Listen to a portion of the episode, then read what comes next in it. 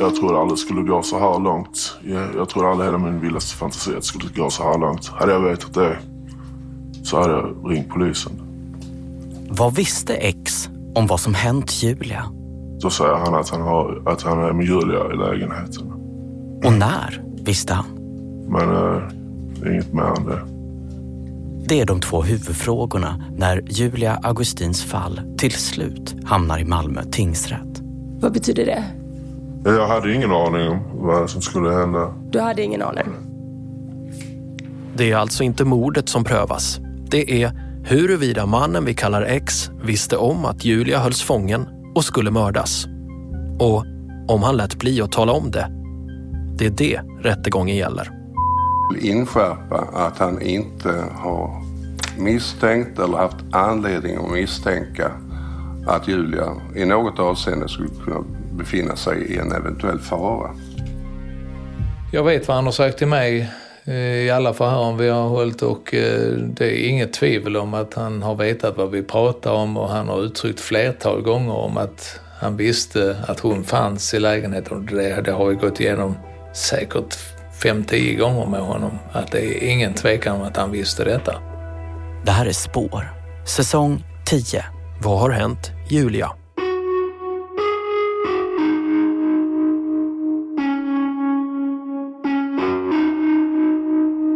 Spår görs av Martin Jonsson och Anton Berg. I redaktionen finns också Maria Hansson Botin och Eva-Lisa Wallin. Tack för att du valt att prenumerera på Spår och tack för att du stödjer vår journalistik. Det här är avsnitt 5, Rättegången. Malmö tingsrätt. Måndag den 27 mars 2023. Det har gått 19 månader och 6 dagar sedan polisen hittade Julia och mannen vi kallar Stefan skjutna i Stefans lägenhet. 583 dagar har passerat för att vara exakt. Men nu ska fallet avgöras i en rättssal. Men det är inte mordet och människorovet som ska prövas. Stefan är död och den utredningen leder ingenstans. Men den finns ändå med som bakgrund. För de två brotten har, menar åklagaren Pia Björnsson, en person känt till och dessutom kunnat förhindra. Men han har låtit bli. Underlåtit att avslöja, som det heter på juridiska. Så det är det som tingsrätten ska ta ställning till. Är det så att mannen vi kallar X vetat om vad som ska ske med Julia uppe i lägenheten? Fick han reda på det i tid för att kunna förhindra det? Och har han, trots det, låtit bli att berätta för polisen vad han vet? Utanför sal 7 i Malmö tingsrätt samlas allt fler människor. Några åskådare som inte har någon koppling till fallet är här. Och så Maja Svenssons mamma, syster och vän. Maja, som ni hörde i avsnitt 2, ska vittna efter lunch. Och så Julias bror Jonas Gratzer och mamma Dorothea Augustin. Och vänner till familjen. Lite för sig själva står Anders Olsson, advokat, och så hans klient, mannen vi kallar X. Jag ser hur Jonas Gratzer stirrar med mörk blick på X. De står knappt tre meter från varann. I svenska rättssalar är det nämligen så här. Alla möts utanför rättssalen. Både offer och förövare, anhöriga, nyfikna och så vi journalister. Det går flera sekunder medan Jonas stirrar på X. X ser åt ett annat håll. Förutom spår är flera journalister på plats. Dagens Nyheter, Sydsvenskan och Kvällsposten har reportrar här. För den här rättegången är, som DNs reporter senare kommer beskriva den, ovanlig. För det ska till en del väldigt specifika omständigheter för att du som svensk medborgare ska dömas för att inte berätta om ett brott. Spårs Eva-Lisa Wallin kan det här. Underlåtenhet att avslöja mord och underlåtenhet att avslöja människorov, det är två rätt ovanliga brott. Under 2016 till 2022 var det åtta sådana utredningar som ledde till åtal enligt Åklagarmyndigheten. Och i den siffran ingår då X. I de totalt åtta fallen där personer åtalats för underlåtenhet att avslöja mord eller människorov är det två fall som ett antal personer har dömts. I fyra andra fall friades de misstänkta. Och så är det två fall som ännu inte avgjorts. Och ett av dem gäller just X. Men vad innebär då underlåtenhet att avslöja mord eller människorov egentligen? Man kan säga generellt i Sverige så är det inte straffbart när man underlåter att göra någonting utan eh, det krävs då att det finns en särskild kriminalisering som säger det. Dennis Martinsson är doktor i straffrätt vid Stockholms universitet. Det är bara möjligt för vissa väldigt allvarliga brott, till exempel mord eller grov våldtäkt eller spioneri.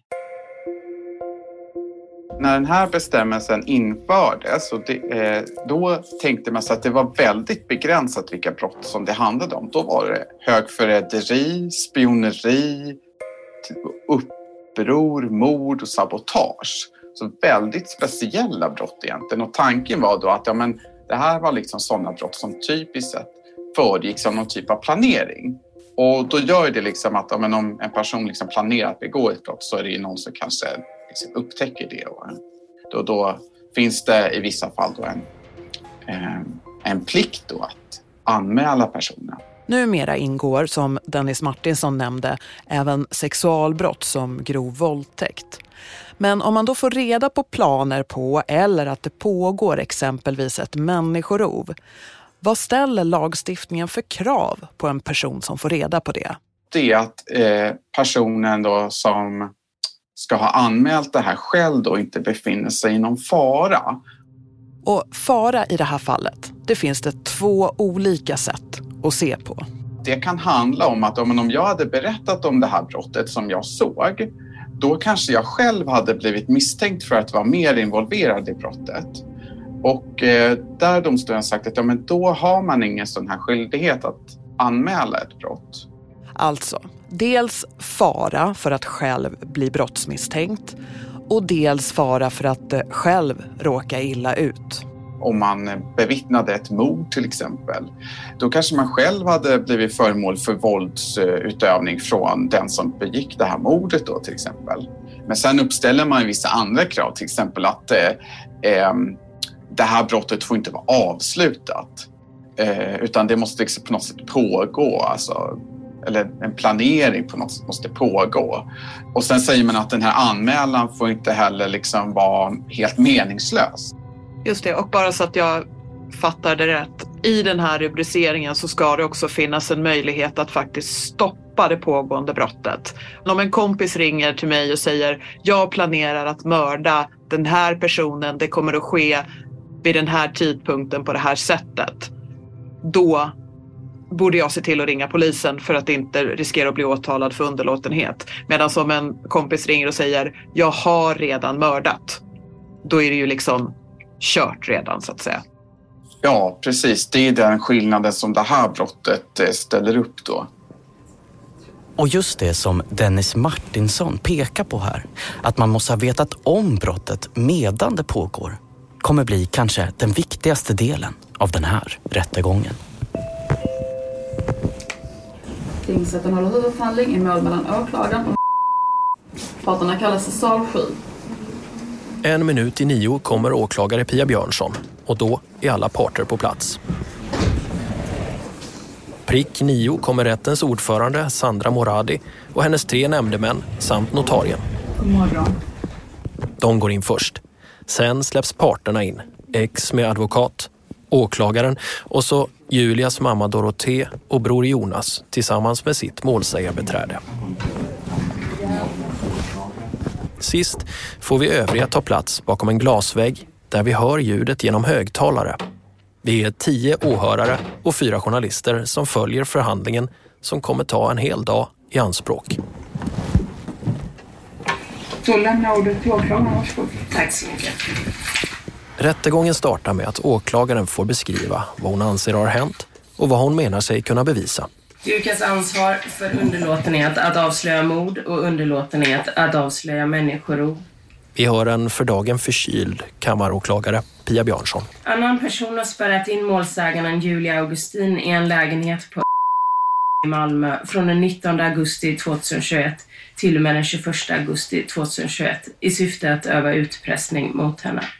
Samma person har därefter, den 21 augusti 2021, berövat henne livet.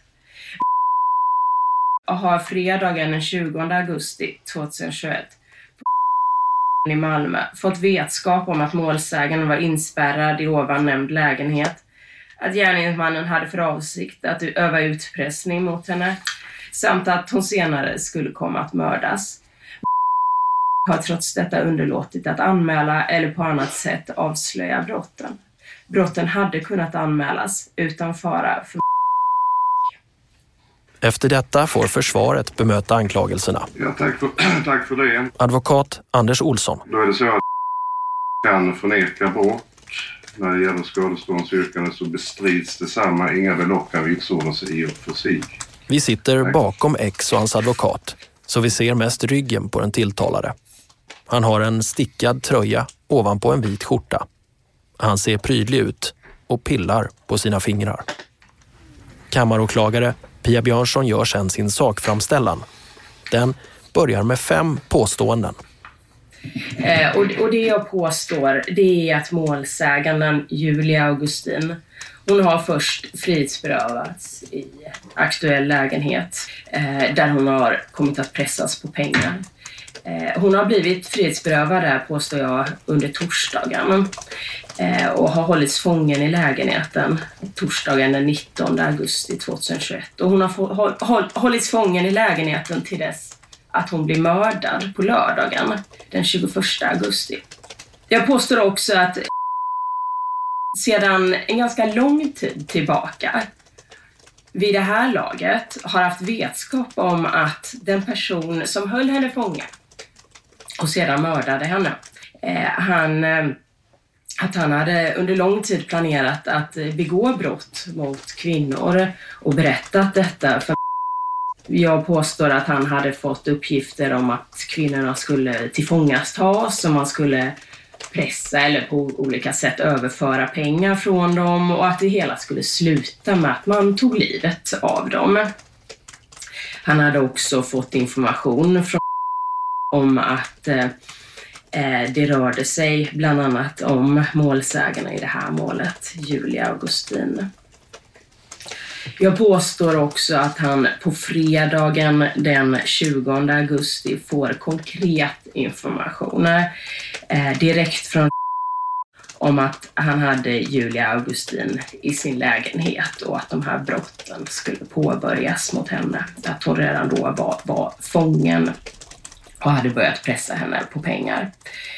Slutligen påstår jag också att eh, har fått den här informationen, men att han inte på något vis har medverkat själv, vare sig i människorovet eller mordet.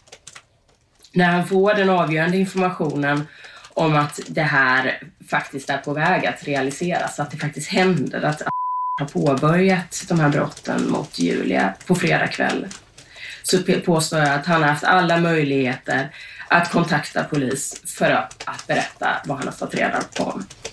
Han har kunnat göra så utan fara för sig själv. Hela sakframställan tar nästan hela förmiddagen. Polisen har lagt ett pussel. Det har tagit tid. Men nu, över ett och ett halvt år efter brottet, ska åklagaren berätta allt det som ni redan fått höra i fyra avsnitt. Fast kammaråklagaren Pia Björnsson riktar sig nu mot rättens ordförande och hennes medarbetare. Och för att förstå hur domstolen sen väljer att döma är det viktigt att vi följer med i vad åklagaren nu presenterar i rättssalen. För nu handlar det enbart om juridik. Pia Björnsson börjar med att berätta om hur Julia och Stefan träffat varandra via sitt jobb på båten. Tillsammans med både och eh, även vittnet Maja som ska höras har, har jobbat på, på båtarna, eller jobbar kanske alltjämt. Det som åklagaren berättar är det som ni kunnat höra i Spårs tidigare avsnitt. Att Julia bodde hos Stefan på grund av psykisk ohälsa men att hon var på väg därifrån. Att Stefan var dömd för våldsbrott och att mannen vi kallar X faktiskt kände till detta. Och detta påstår jag är något som i vart fall kände till att han hade avtjänat fängelsestraff för någon typ av brott. Att X jobbade på båten men även hade ett annat jobb och att alla alltså kände varandra från båten. Sen fortsätter Pia Björnsson att berätta om hur Julia försvinner. Men hon kommer inte till arbetet på fredagen eh, och hennes arbetsgivare anmäler då henne som försvunnen. Inte då, utan på lördag morgon eh, ringer arbetsgivaren till polisen och anmäler henne som försvunnen. Åklagaren berättar också om övriga spår som visar på att Julia försvunnit. Vi ser även på hennes telefon att den eh, med något undantag eh, slutar att vara aktiv under, eh, under kvällen den 18 eller morgonen den 19. Hennes konton har granskats och där ser vi också att hon har slutat använda sitt eh, kontokort. Det sista köpet som har gjorts är från den 17 augusti. Sen kommer man fram till polisens arbete med att försöka hitta Julia och hur man till slut misstänker att hon är i Stefans lägenhet. Utanför dörren till lägenhet ringer patrullen till telefonnummer utan att någon svarar eller att något hörs inifrån lägenheten. I väntan på låsmed går patrullen ner och väntar utanför fastigheten. När låsmeden är väl på plats, eh, är på plats borras skjutillhörarlåset samt huvudlåset upp. Dock är dörren låst inifrån med en bygel. Detta indikerar för oss att någon befinner sig i lägenheten. Dörren öppnas med hjälp av verktyg genom brevinkastet och patrullen tar sig in i, i bostaden. Lägenheten söks av och när undertecknad öppnar dörren till det mindre sovrummet anträffas två avlidna individer på sängen. Eh, och, och varför jag markerat det här med att de ringer här till det här har vi nämligen sett efteråt att klockan 13.42 mottar ett samtal från nummer som slutar här på 3080. Samtalet är obesvarat. Eh, och det intressanta här är att man kan då se telefon att klockan 13.43, minuten efter polisen ringer, kan det iakttas att söker på inspektör Johannes Schultz telefonnummer i, telefo i telefonen. Så han lever alltså när, när han får det här samtalet.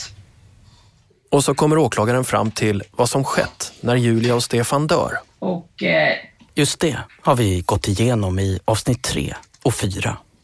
Här tänkte jag nu gå in på hur det såg ut i lägenheten och visa vissa bilder. Eh, så att jag föreslår att vi här stänger dörren en period. Då vill hon visa bilder på tv-skärmarna i rättssalen. Vi som sitter på åhörarplats har också skärmar för att kunna följa med i all bevisning som visas. Men det här är bilder som rätten anser ska beläggas med sekretess. Då kommer vi hålla det inom stängda dörrar så jag får be samtliga Skälet är att bilderna anses vara integritetskränkande för offrets anhöriga, Julias familj.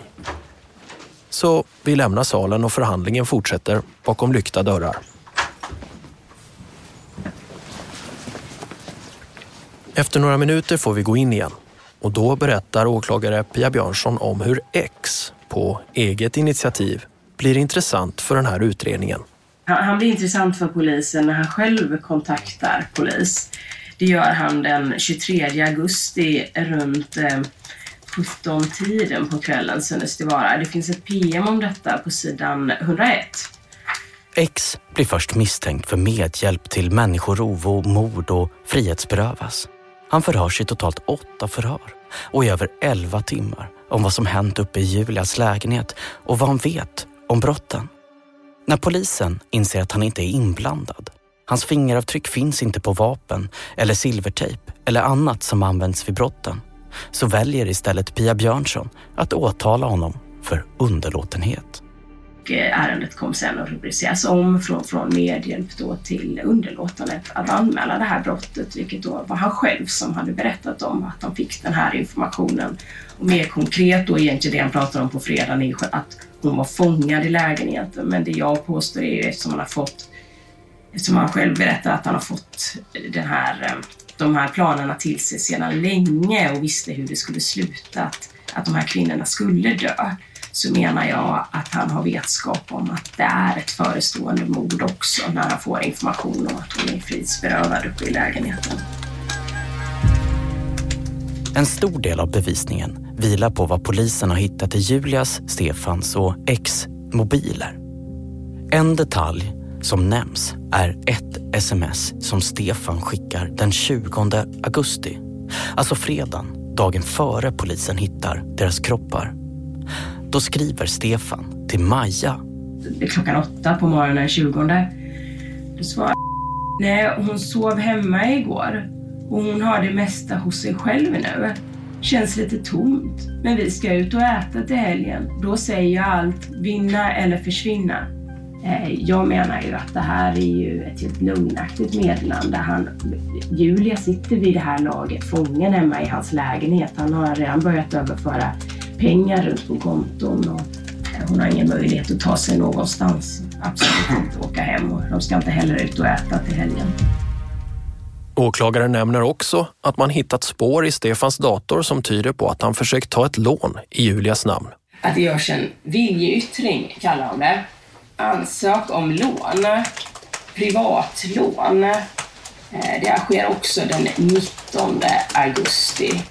Sen får vi se Vicker-konversationen mellan Stefan och X som sker på natten när åklagaren menar att Julia är fast i Stefans lägenhet. Kom hit och hjälp mig imorgon. När? Och sen så går det ett litet tag och klockan ett. Är här. Tror ej jag kan komma på morgonen. Har ej pratat. Sluta noja över det. Ha ha ha. Åklagaren menar att X under denna konversation mycket väl vet att Julia är i Stefans våld. Det ska han fått veta när han träffar Stefan nere vid hans port tidigare samma kväll. Klockan är då mellan fem och sex på kvällen. Eh, och det är där han får den här informationen om att Julia är uppe i lägenheten, att han har fångat henne där. Och så, han kommer själv berätta hur detta uttrycks. Motivet för brottet anses vara pengar. Polisen har kartlagt Stefans ekonomi och den är dålig. Under rubriken Kronofogden och då är det en hel del skulder registrerade här kan vi se. Eh, han har således ont om pengar, behov om pengar. Totalskuld 859 521 kronor. Mot slutet av sakframställan visar åklagaren en så kallad rörelseanalys. Den bygger på hur de inblandades mobiltelefoner kopplat upp under de här dygnen. Åklagaren menar att hon har stöd i den här bevisningen för att Julia varit fången i lägenheten från torsdagen fram till lördagen när hon hittas död. Hon menar också att det här talar för att Stefan befunnit sig i lägenheten och att X varit där han påstått. Men det finns en underlig omständighet som polis och åklagare inte kan förklara. Här sker något märkligt. Julias telefon har en basstationsuppkoppling vid 10 och 18 och det, den är i närheten av hennes egen bostad på Östergårdsgatan. Julias mobiltelefon har alltså kopplat upp mot en mast i närheten av sin egen lägenhet under tiden åklagaren påstår att hon är fången hemma hos Stefan. Det här har Julias mamma Dorothée Augustin reagerat på tidigare och när vi frågat polisen har man inte kunnat förklara detta. Men inte heller gett uppkopplingen något större värde. Men att nu åklagaren tar upp det här tyder på att hon är medveten om att det kan tolkas som en brist i hennes bevisning. Jag menar att hon omöjligen kan ha åstadkommit det här själv. Hennes telefon ligger ju också sen i lägenheten. Det, det, måste vara någon annan som har tagit med sig telefonen dit för att skapa en uppkoppling. Det har inte heller gått in någon i hennes bostad men, men av något skäl så har den satts på och, och kopplat upp där. Man kan, har också sett i telefonen att det, den har satts på just där och sen stängts av igen. Eh, men det kan alltså inte vara som har gjort detta, för han är ute i Svedala. På söndagen, dagen efter mordet och självmordet, fastnar X på en videokamera i närheten av Stefans lägenhet. Det är här eh, har, eh, han har sett de här bilderna och menat att det, det är nog han här. Berättat också att han eh, eh kommer i närheten här av eh, lägenhet som sagt efter att han har hört talats om det här, att det var ett grovt brott som var begånget. Eh, tar inte kontakt med eh, polis här utan väljer att cykla hem istället. Åklagaren avslutar sin sakframställan med att läsa upp de meddelanden som X skickar till Stefan på söndagen när Stefan och Julia inte längre lever. Hej! Klockan 06.27, klockan 13.34. Hur kunde du? Säg det inte är sant. Det var vad jag hade att berätta, tack.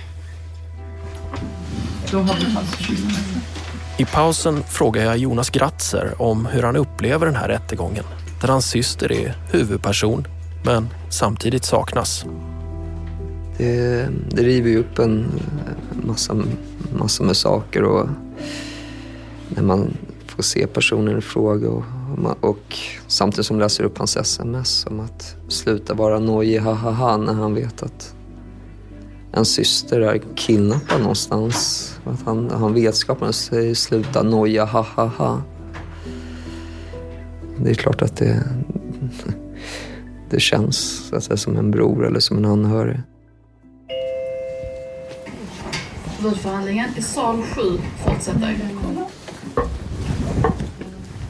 Efter pausen är det försvarssidans tur.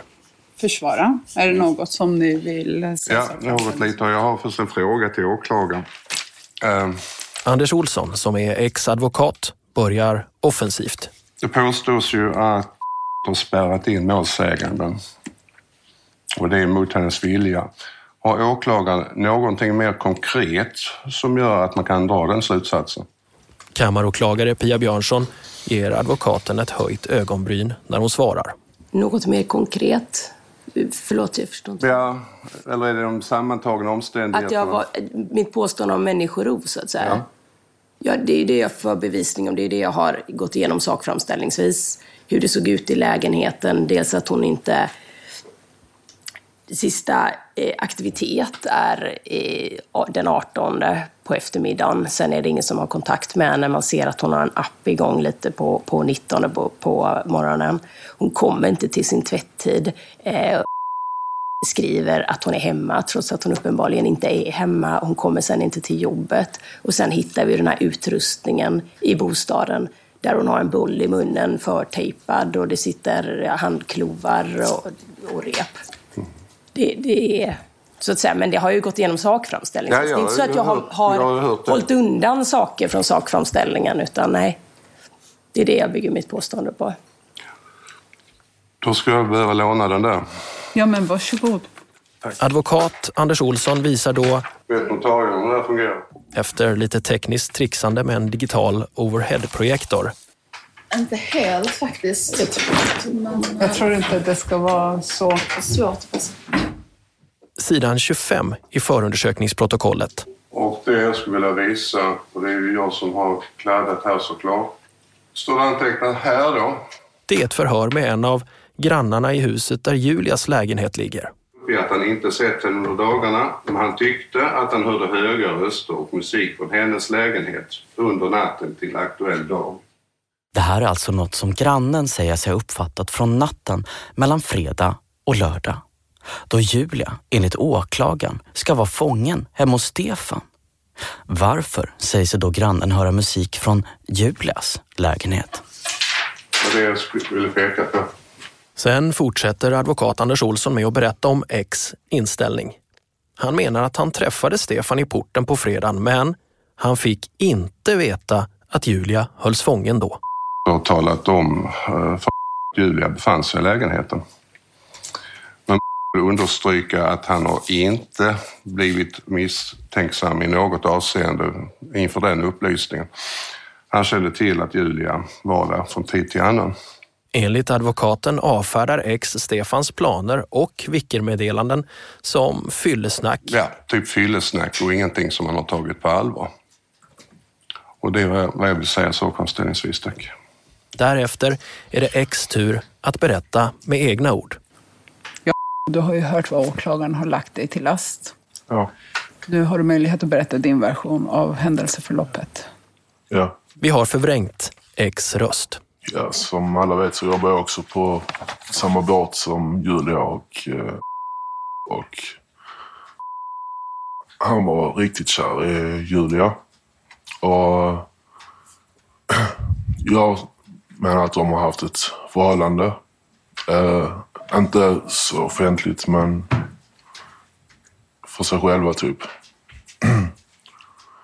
Eh, de eh, har alltid varit tillsammans. Eh, både på båten och snackat och hemma och gjort grejer tillsammans.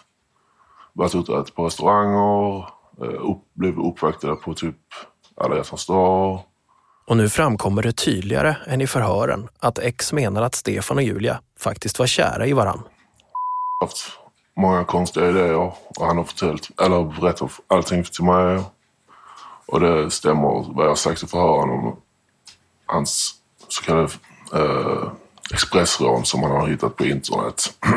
expressrån som han har eh, hittat på internet och så har han velat ja, typ göra det själv och han ville ta min hjälp. Men jag har aldrig varit med på det. Jag har bara lyssnat men jag har bara tyckt det var trams. Och så menar nu alltså ex att han aldrig misstänkte att Julia var fången i lägenheten. När han träffar Stefan nere vid porten på fredagen så säger Stefan bara Så säger han att han, har, att han är med Julia i lägenheten. att hon är där. Men eh, inget mer än det.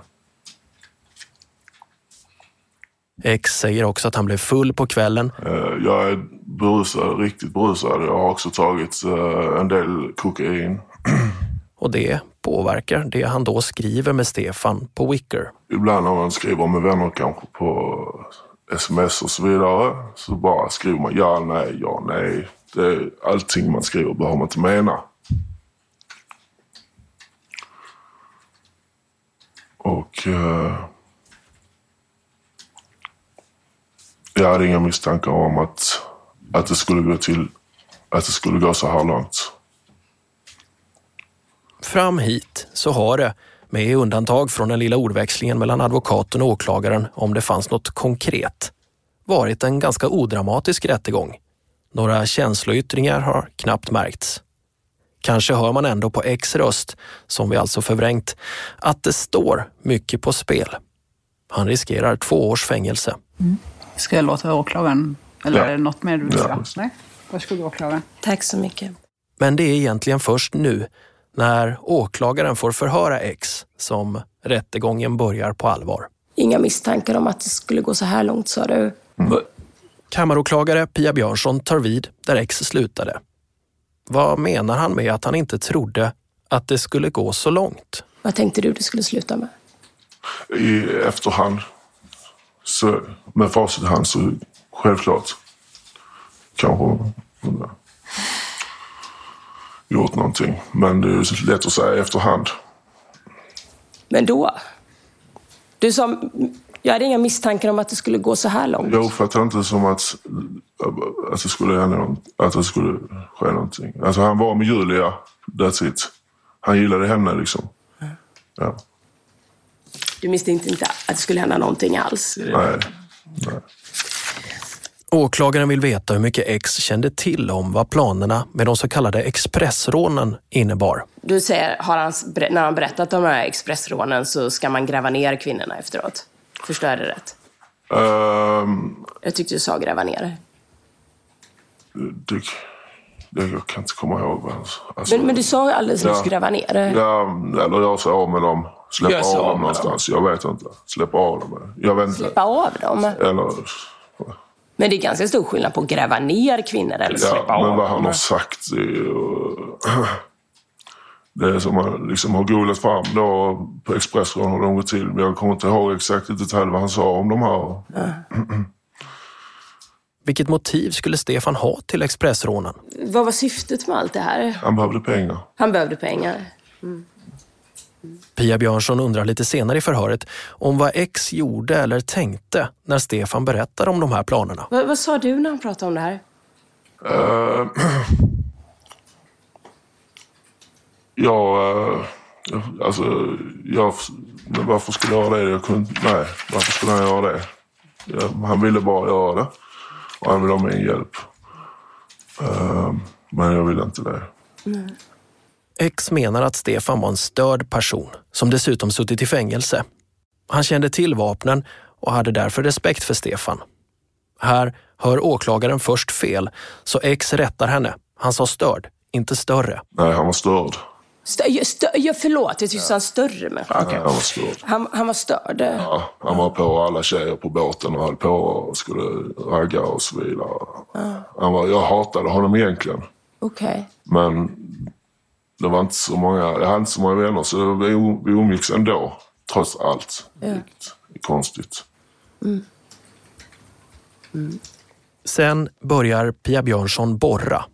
Hon vill veta exakt vad Stefan säger till X när de ses nere vid porten på fredag kväll. När man sa att han är med Julia. Han är med Julia? Ja. Var det så han uttryckte sig? Ja. Här har X sagt annorlunda i polisförhören. Pia Björnsson återkommer till det efter några minuter. Du har ju sagt i förhör vid flera tillfällen att han har Julia och att du föreställer dig han har Julia hos sig. har Julia ja, och du föreställer dig att hon var fångad i lägenheten? Ja, men det är vad jag har spekulerat efteråt. Och, och, jag har byggt, byggt upp bilden i, i, i huvudet efteråt. Jag har inte haft den här bilden innan. Och när är efteråt? Efteråt är efter efter jag blev fångatagen och förhör och som jag liksom fått en bild i huvudet om hur det gått till.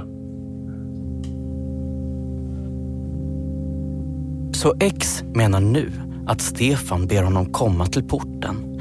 Han har något att berätta. När X kommer dit berättar Stefan att han är med Julia. Sen drar X vidare. Och på natten skriver de på Wicker till varandra. Då skriver Stefan, citat, “Jag hoppas verkligen inte att du sagt något”, slutcitat. Och X svarar, citat, “Har ej pratat. Sluta noja över det. Haha”, slutcitat. Men vad skulle han ha att berätta? Pia Björnsson igen. Det är uppenbart att det är någonting som du inte ska säga, eller hur? Vad är, det, vad är det du har fått reda på som du inte ska säga då menar du? Det är ingenting jag har fått reda på. Det är ingenting du har fått reda på? Du har inte fått reda på på fredag kväll att hon är fången i lägenheten? Nej. Utan, utan det syftar på, menar du, vad då för något? Nej. För du säger att du är full och det är fyllesnack, men han är ju inte full. Nej, men jag tar inte han seriöst. Du tar den inte seriöst, men du, du menar att du... Bara hittar på skit. Vad sa du? Han bara hittar på massa ju. Han bara hittar på massa. Ja. Men, Till vad, men det här är en krypterad app. Varför tänker du att han ska skriva så här Vi till skriver dig? alltid i den appen till varandra.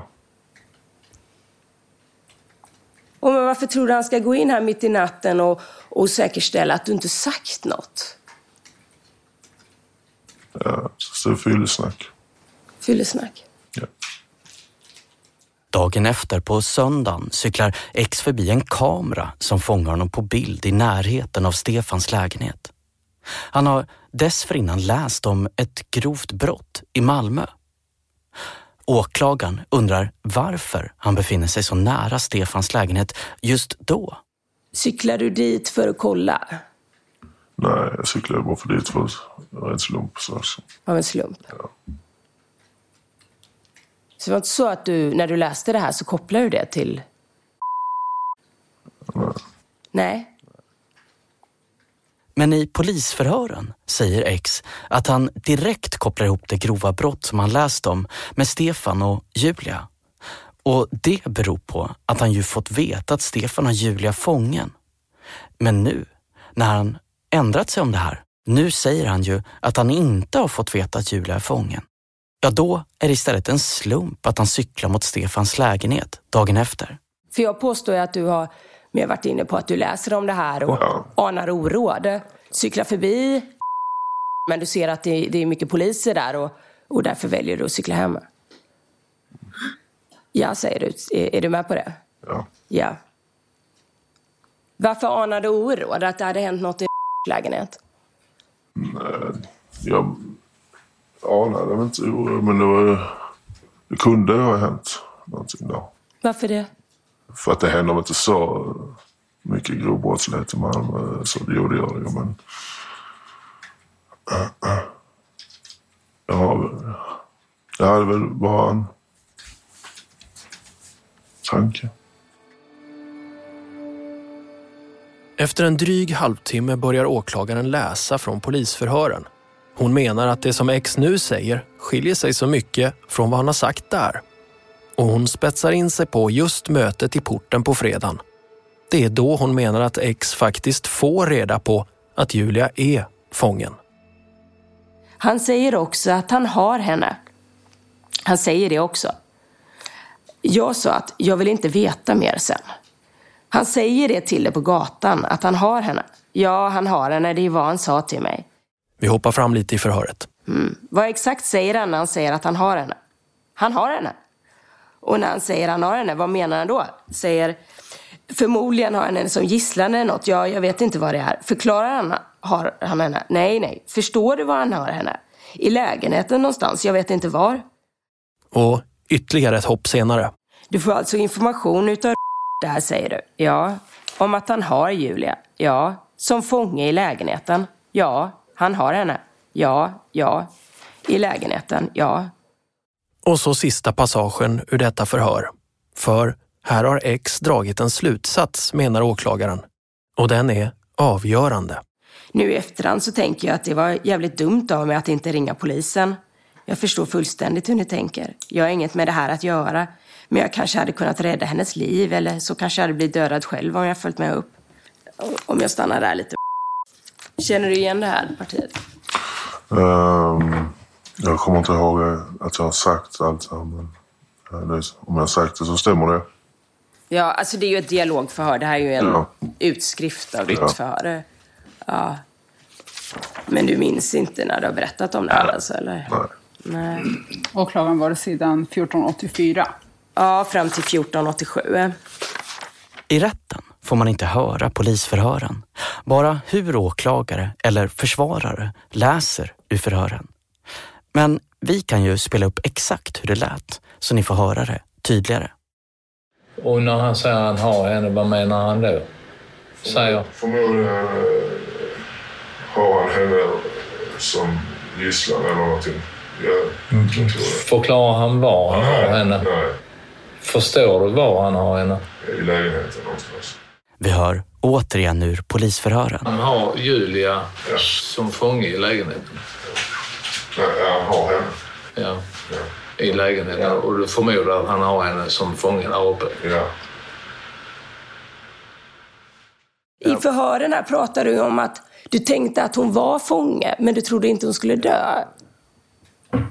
Jag är inte så bra på att prata och... Du är inte så bra på att Ja, prata. men jag, tänker inte på... Men du har pratat jättemycket. Ja, men jag... Och det, och det passar ju väldigt väl överens med konversationen. Varför skulle du annars säga till dig och inte att fråga om du hade snackat om saken? Att du skulle hålla tyst? Vad är det annars han syftar på? Vad är det annars han syftar på om inte att han dagen, dessförin, dagen innan har sagt till dig att han har tillfångatagit Julia? Du har inget alternativ. Eller? Du kan inte tänka dig något annat som han syftar på. Det har gått 45 minuter. X blir allt tystare. Han tittar nu bara rakt fram. Möter inte åklagarens blick. Kan du det? Utanför Malmö tingsrätt har det börjat snöa. Stora, tysta flingor faller utanför fönstren. Nej, Jag förstår det som du inte vill svara på den frågan. X menar också att det har gått över 500 dagar. Han minns inte längre så bra. Ja, men alltså, jag kommer inte ihåg så mycket av de här dagarna. Varför inte det? Därför att jag, det är normalt att man förtränger grejer och får det bortblåst. Varför är det normalt? Därför att det har varit mycket skriverier om mig och jag har fruktat att... eh, Ja, Förlåt, vad sa du? ja, jag vet inte. Jag säger inte så mycket. Jag har inte något att säga. Men så du menar att du har förträngt de här dagarna?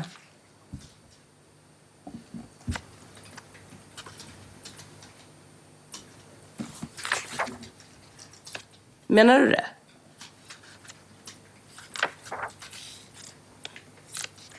Menar du det?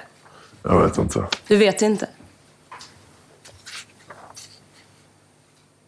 För du säger ju också att de här för, förhören, du blir pressad till att säga saker, men det du hörs ju härifrån, det är ju slutet av augusti och september 2021. Det är ju väldigt nära händelsen. Då borde du ju komma ihåg de här dagarna väl, eller hur? Det är ju nu som det har gått lång tid.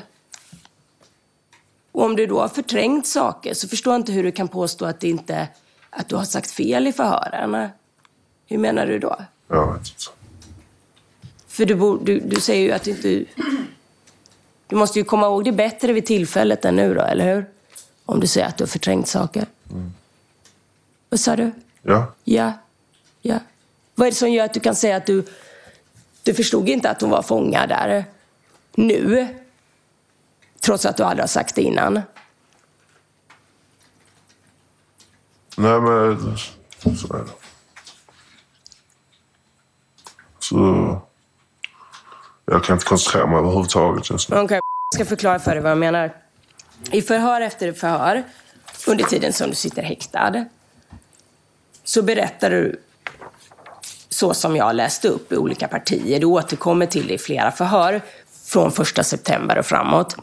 Att har berättat för dig att han har henne i lägenheten och du förklarar att du uppfattar det som att hon var fången i lägenheten och du tänkte dig att hon var bunden på olika sätt då, med, med tejp och rep, så som jag läste upp. Inte vid något tillfälle under förhören säger du att du förstod inte, som jag har sett i alla fall, försvaret får rätta mig sen om, om, om jag har fel där, men du säger inte vid något tillfälle att nej, men jag förstod inte att hon var fångad där.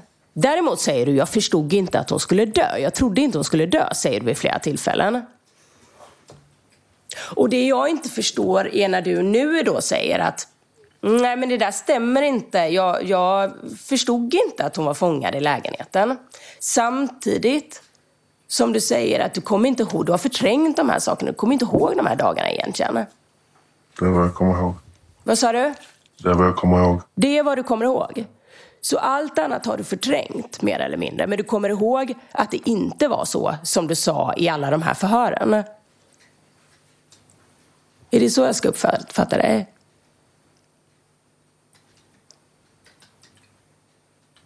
Jag har sagt mitt. Du har sagt ditt? Ja. Vad betyder det?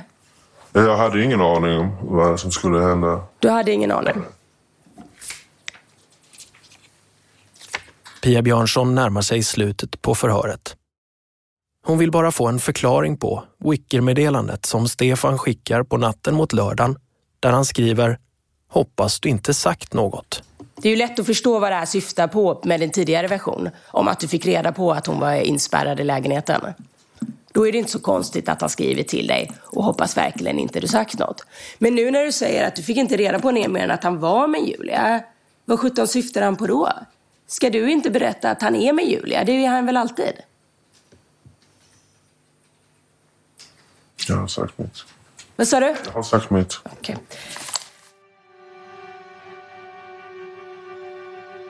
Sen är det X advokats tur att förhöra honom. Försvara. Vi hör advokat Anders Olsson. Och han kokar ner allting som, som du har sagt under de här åren. Så har jag förstått det på dig att du har inte tagit någonting av det på all, allvar. Nej. Att det var trams uttryckte du det som. Ja. Ja. Vi pratat lite grammatik om innebörden av att har Julia. Jag lyssnar på dig så förstår jag att du har menat att han har Julia hos sig. Och åklagaren menar ju på att ha Julia som fånge, eller hur? Ja. Ja, vad betyder det när Stefan säger att han har henne? Det här menar advokat Olsson inte alls är så tydligt som åklagaren påstår. Kommer du ihåg att du har svarat något speciellt vid förhör den 2 september? Ja, men han sa att han hade Julia och jag vet inte vad han menar med det. Liksom. Ja, nu i efterhand så fattar jag ju såklart. Ja. Är det något du kommer ihåg att du har sagt till polisen? Jag kommer inte ihåg det. Nej. Men tycker du att det här fångar det du har berättat, att, det du har berättat polisen, det är så att du har fattat i efterhand? Ja. Kammaråklagare Pia Björnsson begär att få ställa kompletterande frågor och undrar om Stefan sagt vilka kvinnor som han planerar att göra expressrån på. Så Julia, Maja och Isabelle. Och Julia, är det Julia Augustin vi Hade pratar om? koll på dem. Han hade koll på dem. Och de hade pengar och så. De hade Han pengar. berättade för dig, jag brydde mig inte. så. Åklagaren läser från ett förhör där X då sagt att Julia var särskilt intressant som offer. Ja, men han har sagt hon är lätt för hon bor här, eller hon bor där och hon har ingen släkt och så. Hon är lätt för att vadå? Hon är lätt för hon bor där så han kan göra det där. Så då har han pratat om att kidnappa henne. Och sen så fortsätter det där om eh, vad ska göra. Men, men det här med att hon är lätt för att hon bor där, jag uppfattar det som hos honom eller? Är det något du kommer ihåg idag? Jag kommer inte ihåg det. Du kommer inte ihåg det? Han hade en livlig fantasi. Till slut vill målsägarbiträdet Lotta Wirén komplettera med en fråga om, återigen, det som är målets kärna. Vad X fick veta om Julia nere vid porten på fredagskvällen. Jag hade en fråga också bara, en komplettering. Jag tänker på det här som du säger nu, att du har förstått i efterhand ehm, att Julia är tillfångatagen uppe i lägenheten och kidnappad. Då förstod jag det rätt, eller hur? På din försvarares frågor. I förhören har du ju sagt annorlunda när du har fått flera frågor kring det. Och då tänkte jag bara ta ett exempel. Man hör dig den 2 september, det här är återigen andra förhöret. Då får du en direkt fråga. När var första gången du fick reda på att hon var fångad i lägenheten? Och då svarar du, eh, det var där nere. Yes. Jag kommer inte ihåg. Och det är i sammanhanget när du är för polis och berättar om mötet i porten, så att säga. Men det kommer du inte ihåg? Okej. Ja, tack. Då är förhöret avslutat. Klockan är halv ett och luften har tagit slut in i sal 7. Utanför salen träffar jag Dorotea Augustin, Julias mamma. Hon ser trött ut. Det är ansträngande. Men eh, samtidigt så vet jag hur man håller fokus. Jag känner att Julia är med mig. Vi tillsammans håller fokus på det här. Jag tycker att också att åklagaren eh, har kommit med några riktigt bra iakttagelser och frågor. Eh, även min advokat. Och det, det känns bra. Det ser ut som överhuvudtaget inte vet vad han snackar om.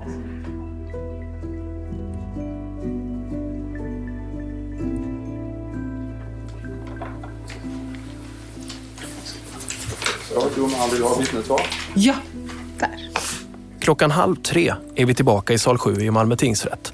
Nu ska det enda vittnet svära eden. Du kan säga efter mig. Jag, Maja Svensson, Jag, Maja Svensson, lovar och försäkrar lovar och försäkrar på heder och samvete på heder och samvete att jag ska säga hela sanningen, att jag ska säga hela sanningen, inget förtiga, inget förtiga, tillägga eller förändra. tillägga eller förändra. Maja Svensson har ni redan träffat. Det var hon som berättade i avsnitt två om dödens fartyg och om hur hon och Julia träffades där och blivit vänner. Men också hur de blev vänner med mannen vi kallar Stefan och om X som Maja inte umgått så mycket med men som var den som ville berätta för henne om att Julia och Stefan var döda. Något som han redan visste på söndagen. Och nu är alltså Maja Svensson kallad att vittna av försvaret. Varsågod advokat. Tack. Advokat Anders Olsson ställer frågor om Stefans och Julias förhållande. Vet du huruvida Julia tyckte om som person? Nej, alltså jag minns inte att vi pratade jättemycket om honom, helt ärligt. Vet du hur vi möjligen tyckte om Julia som person? Mm. I början vet jag att det bara var som en kompisrelation. Liksom. Men eh, han berättade också att han tyckte om henne mer och mer alltså, ju längre tiden gick och speciellt i slutet. Vad menar du med det? Att han fick känslor för henne? Ja, precis. Ja. Och han sa till mig att eh, han ville berätta det för henne. Liksom. Advokaten vill också veta om det sms som skickades av Stefan på fredagen den 20 augusti. Någonting om att han skulle bjuda henne på middag och berätta om sina planer för henne och sådär. Mm, det minns jag. Advokaten avslutar sen med att fråga om Maja misstänkte något under de här dagarna. Hade du lika mycket kontakt med Julia som med, med där i slutet? Nej, vi, jag skrev mer än vad jag och Julia gjorde. i. Fanns det någonting i det som tydde på att skulle hålla Julia i lägenheten mot hennes vilja? Nej. Nej. Åklagare Pia Björnsson vill också veta mer om meddelandet där Stefan skriver att han ska bjuda ut Julia och säga vad han verkligen känner. Och det sägs inte här och till Maja, men ni som lyssnar ska veta att om det åklagaren påstår är sant så har Stefan Julia fången i sin lägenhet när han skriver det där till Maja. Och då är det han skriver en ren lögn, ett villospår. Men är det som advokaten antyder? Ja, då är Julia hemma i sin lägenhet och städar. Eller i alla fall inte fången av Stefan. För då är Stefan kär och planerar att avslöja sina känslor för Julia. Hade du någon, någon som helst kontakt med, med Julia i anslutning till det här? Nej. Nej. Så du vet inte om det i och för sig var korrekta planer eller om det var bara han som fabulerade det där? Nej, jag vet inte. Nej. Tack, jag har inga fler frågor. Maja lämnar sin plats som vittne i salen men sätter sig bland oss åhörare. Hon vill också höra vad som nu kommer när alla parter ska hålla sina slutpläderingar. Kammaråklagare Pia Björnsson börjar. Eh, vad gäller mordet så, så fram, menar jag att det, det är alldeles uppenbart och, och det förstår jag inte heller att någon har ifrågasatt här inne. Vad gäller människorovet menar jag att utredningen visar med tydlighet på att Julia Augustin har varit berövad friheten från den 19 augusti eh, och fram till att hon dör den 21 augusti. Eh, det här menar jag att man, den slutsatsen man kan dra av att hon eh, helt enkelt inte använde sin telefon överhuvudtaget efter morgonen den 19 augusti. Eh, hon kommer inte till jobbet på fredagen utan hon anmäler sig inte, hon är sjuk eller borta, hon pratar inte med någon. Hon är inte heller hemma i bostaden. Det kan vi se genom att taggarna inte används. Och trots det skriver till Maja att Julia är hemma och städar. Uppenbart menar jag att ljuger i detta. Varför ljuger han om en sån sak? Det är naturligtvis för att hon är fången i hans lägenhet. Vi hoppar fram en bit, för Pia Björnsson vet att en specifik del i bevisningen är svag. Nämligen den märkliga mobiluppkoppling som polisutredningen inte kan förklara. Den som görs av Julias mobil på fredagen nära Julias lägenhet. När åklagaren samtidigt påstår att Julia hålls fången i Stefans lägenhet. Någon har tagit med sig telefonen, påstår jag, och satt på den utanför hennes hemadress och sen stängt av den. När det gäller X roll i detta menar Pia Björnsson att det är utrett att han visste vad expressrån var. Att kvinnor skulle kidnappas, pressas på pengar och sen dödas. Därför förstår också X vad det är som påbörjats när han får veta att Stefan har Julia fången i lägenheten. Och jag kan för min del inte förstå hur man kan sitta under förhör efter förhör och förklara och utveckla hur en, den här har sagt till honom att han har Julia och, och hur han tänker kring det. Eh, men samtidigt lägger i mån om att berätta hur han inte förstod att hon skulle dö. Om man egentligen inte hade förstått att hon var tillfångatagen överhuvudtaget. Det går ju inte alls ihop. Så skulle man ju inte uttrycka sig. Han skulle ju naturligtvis ha sagt där och då att det var jättekonstigt. Han sa bara, jag är med Julia och sen åkte jag därifrån. Jag förstod ingenting. Jag förstod verkligen inte. Men så säger han ju inte, inte en enda gång förrän nu. Lite senare påstår åklagaren Och han har då haft gott om tid att kontakta polis. Hade polis fått det meddelandet på fredag kväll så menar jag att polis hade kunnat rädda Julia Augustins liv. Sen går Pia Björnsson vidare till att resonera om vilket straff X ska dömas till. Jag kan inte se att det kan bli värre än så här. Och därför menar jag att, att påföljden måste avspegla detta. Och jag menar att därför ska dömas till det svåraste möjliga straff för detta, det vill säga fängelse i två år. Tack. Målsägarbiträdet Lotta Wirén menar också att brotten är bevisade och att åklagaren har rätt i sin bedömning. Och hon poängterar att X hörts i över 11 timmar i förhör och att det är först nu han kommer med en ny förklaring. Den motsägs av alla de andra gånger han berättat om vad han visste.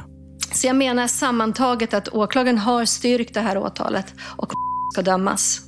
Slutligen går ordet till ex-advokat Anders Olsson. Egentligen var två personer som skulle ha kunnat bringa klarhet i vad som hände i den här lägenheten den 19, 20 och 21 augusti 2021.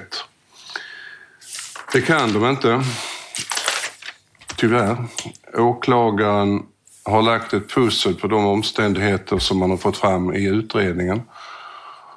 Min uppfattning är att åklagarens utredning inte är så robust eh, så att det kan konstituera en fällande dom.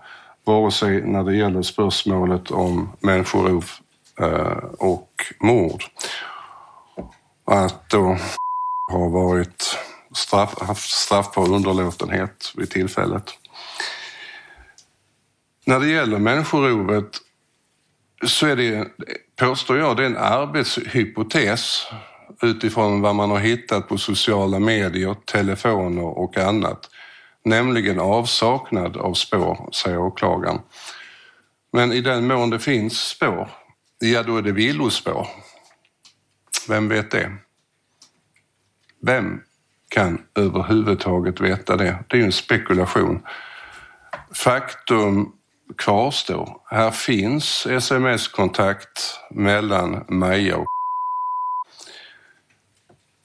Telefonen används den 19 augusti. Telefonen kopplar upp i Kirseberg den 20 augusti. Jag vet inte varför. Men Julias telefon lever. Och bara det eh, räcker för att så ett rimligt tvivel på åklagarens hypotes, enligt min uppfattning. Sen inser jag ju också att eh, den här grannen till Julia är ju såklart inget sanningsvittne, men det säger ju någonting ändå. Man är ute på plats den 21 augusti. Grannen säger sig att han eh, tyckt sig höra höga röster och musik från Julias lägenhet natten till den 21 augusti. Ja, varför inte? Vad vet vi om det? Vi har inte en aning.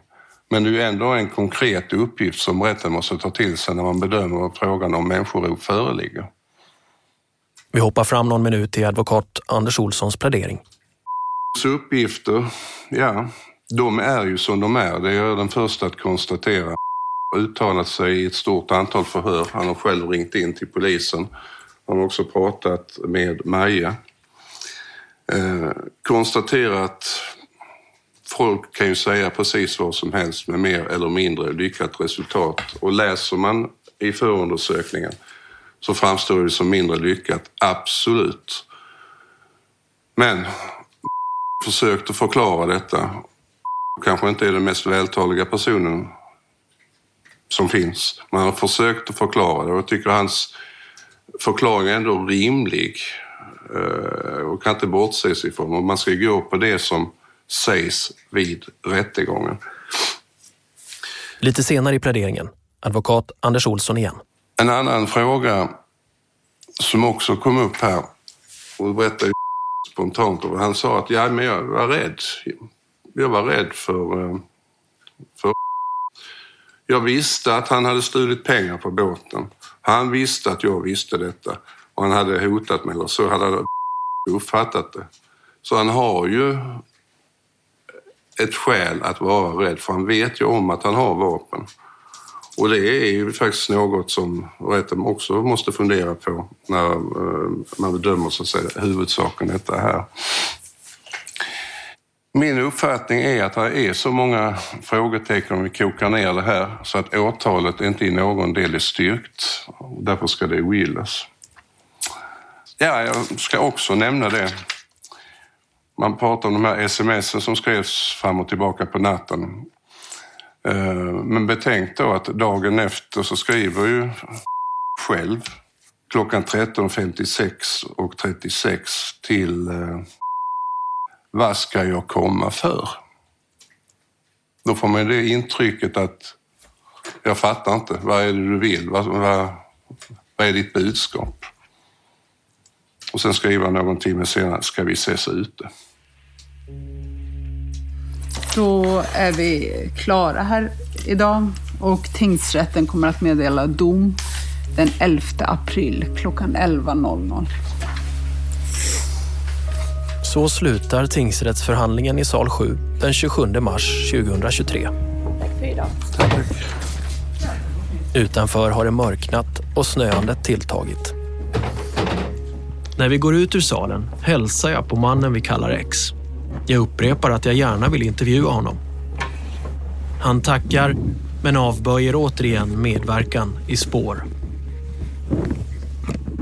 Maja Svensson var nervös inför sitt vittnesmål och hon tycker att det är konstigt att sitta i en rättssal, men att det kändes bra. Alltså man vill ju inte träffa de personerna. Och typ, alltså även ifall man säger sanning och sånt så är det ju ändå alltså det är konstigt att ha liksom en domare, någon formell person som liksom verkligen lyssnar på det jag säger. Typ.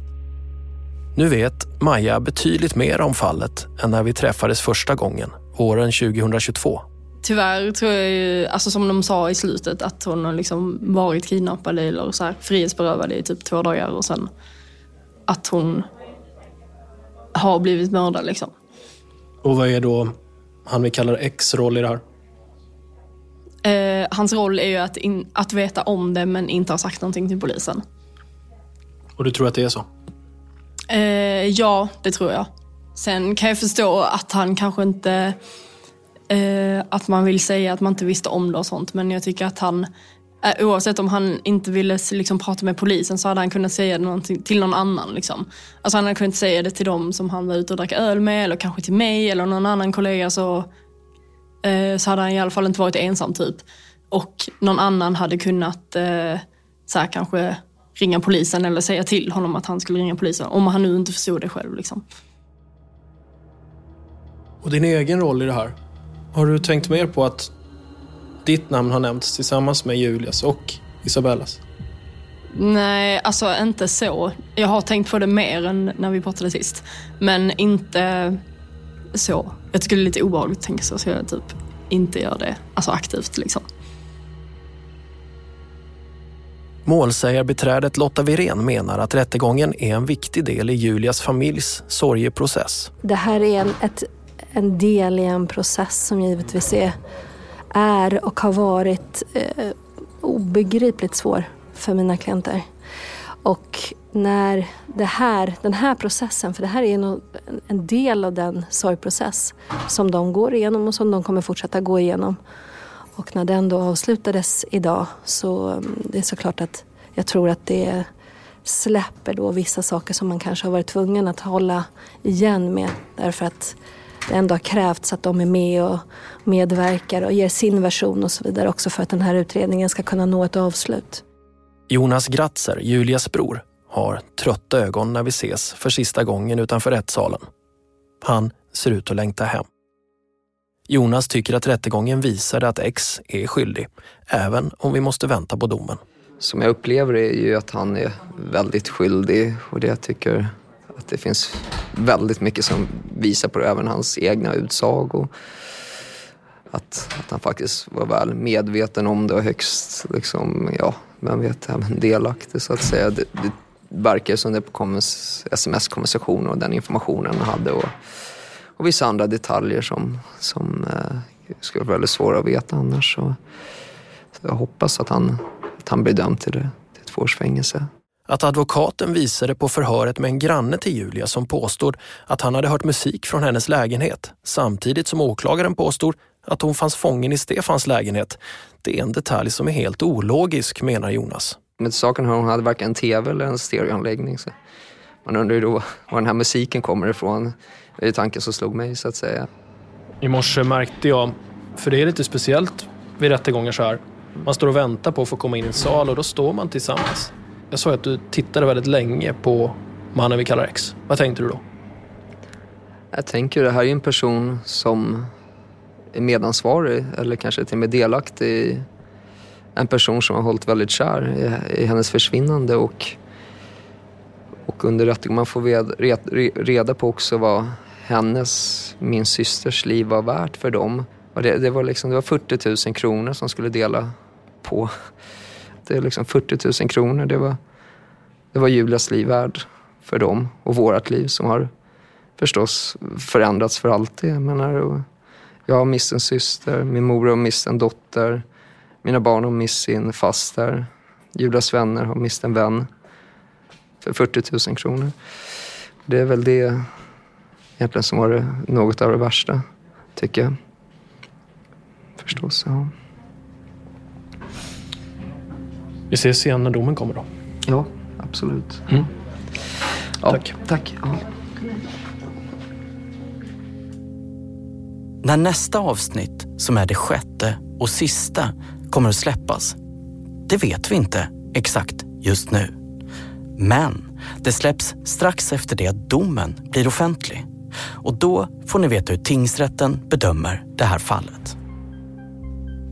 Alltså jag har inte gråtit på, på detta på jättelänge.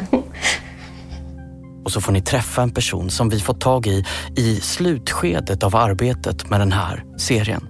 Jag fryser och jag skakar. Hon har valt att ställa upp på intervju trots att det hon ska berätta om handlar om en natt där hon förhandlade om sitt liv i över sju timmar. Och du har ju sagt att du vill ställa upp och då undrar jag varför vill du prata om det här nu då när det är så jävla jobbigt liksom? Jag trodde inte jag skulle ta det så, att jag skulle bli ledsen men när jag fick reda på att, att han hade lyckats ta en, en annan flickas liv, eller en tjejs liv, så vände det sig i magen. Att han verkligen var kapabel till att döda en annan människa. Linda träffade mannen vi kallar Stefan redan 2004. Hon lyckades överleva. Jag ska inte jämföra men jag kan bara tänka mig vad hon har gått igenom. I flera dygn. Och hennes rädsla. Och hur hon måste ha känt.